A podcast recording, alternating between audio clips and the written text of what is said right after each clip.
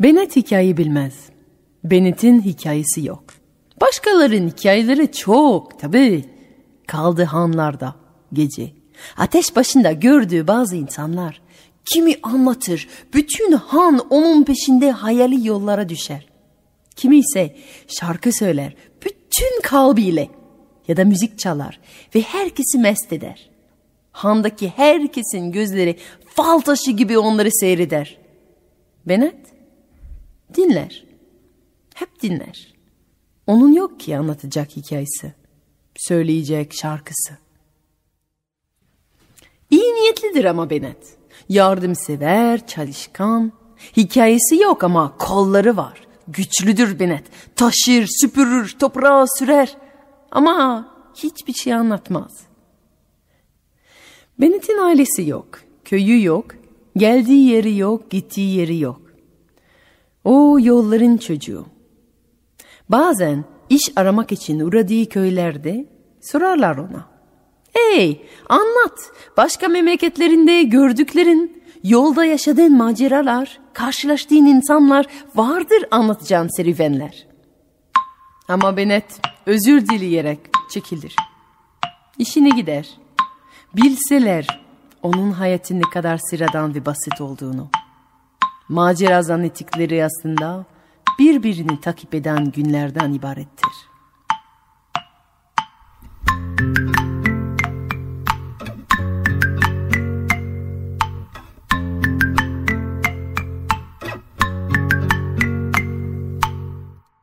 Günlerden bir gün yol onu yaşlı bir çiftin evine götürdü. Bütün gün yürümüştü, yorulmuştu ve bir sonraki kasabaya varması için hala uzun bir yolu vardı. Kapıyı çaldı ve kapı temiz bir odaya açıldı. Sakin bir bakışla alındı içeriye. Sessizce önünde çorba ve ekmek koyuldu. Sonra ateş başındaki koltuğa davet edildi. Derin bir oh çekti. Derin bir huzur. Sanki tanıdığı bir ev hissiyatıydı.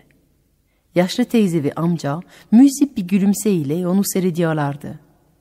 Senelerdir kendisine bir anne baba hayal etmişti ve onlarla sonunda karşılaştığını hissetti.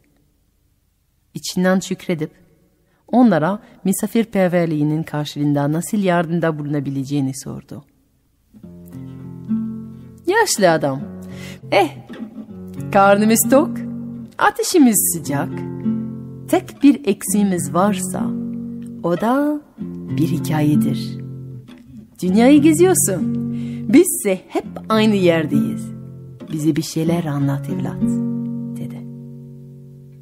Aman amca benden ne dilersen dile ama anlatacak bir şeyim yok. Evini süpürür, kuyundan suyunu getiririm ama bir hikayeyi yaşamayan ben size nasıl bir hikaye anlatabilirim ki? Hayır oğlum. Evim temiz, mutfakta su var. Bu andaki mutluluğumuza bir şey katmak istersen iyi bir masal uydurman lazım.''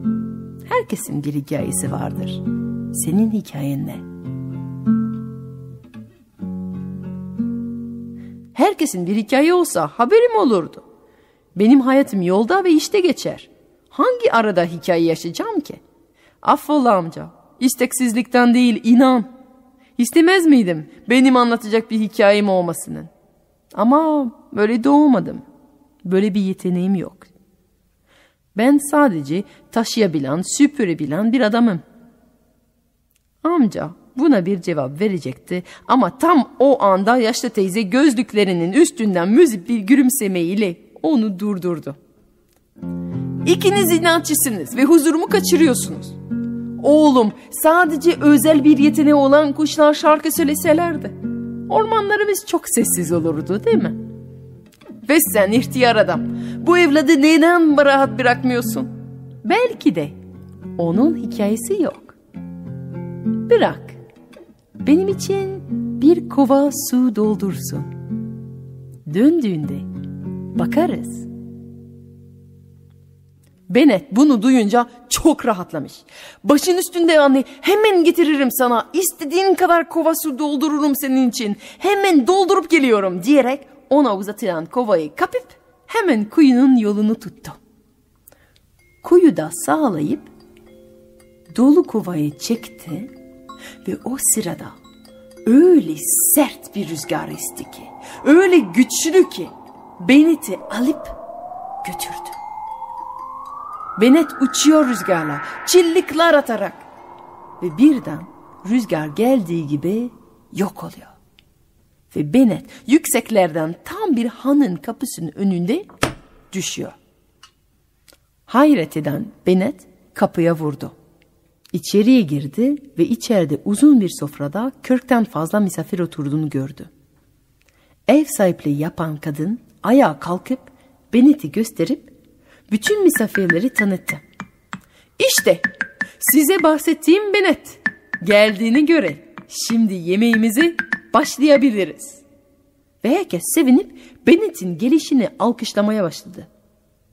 Sessiz bir yemeğin ardında bir misafir derin bir oh çekerek Aa, keşke bir kemancı olsaydı.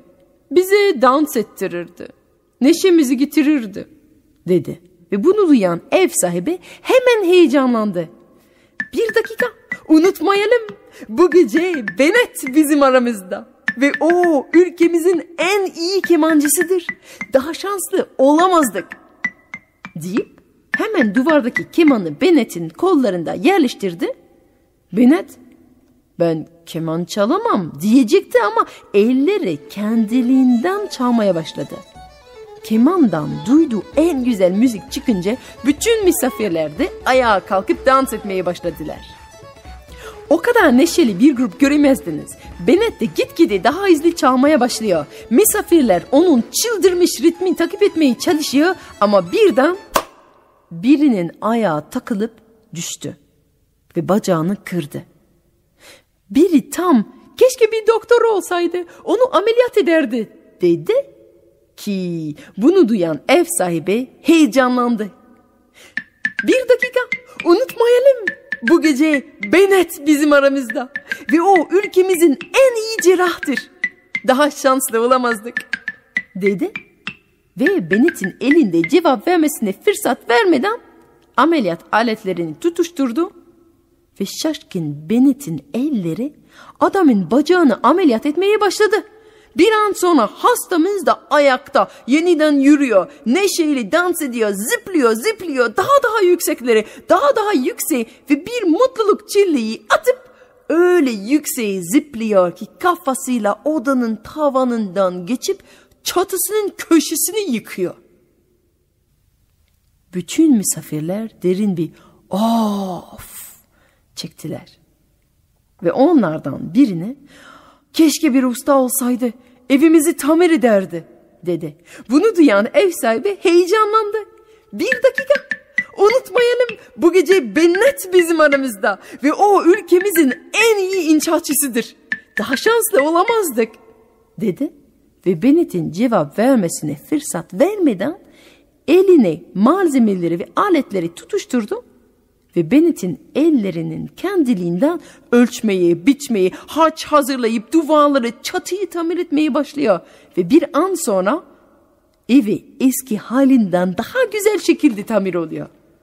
Yaptığı işi daha iyi görebilmek için evin önünden birkaç adım geriye gidince o anda birden güçlü, sert bir rüzgar gelip onu götürdü.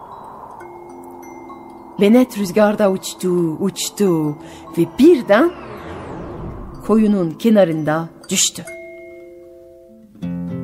Kova onun bıraktığı yerde duruyordu ve hala ıslaktı. Daha kurumamıştı. Yolculuğu o kadar az mı sürmüştü? Kovayı alıp evi döndü. Evi girince o iki yaşlının müzik bakışlarıyla karşılaştı. Yaşlı teyze bilen gözlerle sordu. Ey oğlum senin hala anlatacak hikayen yok mu şimdi?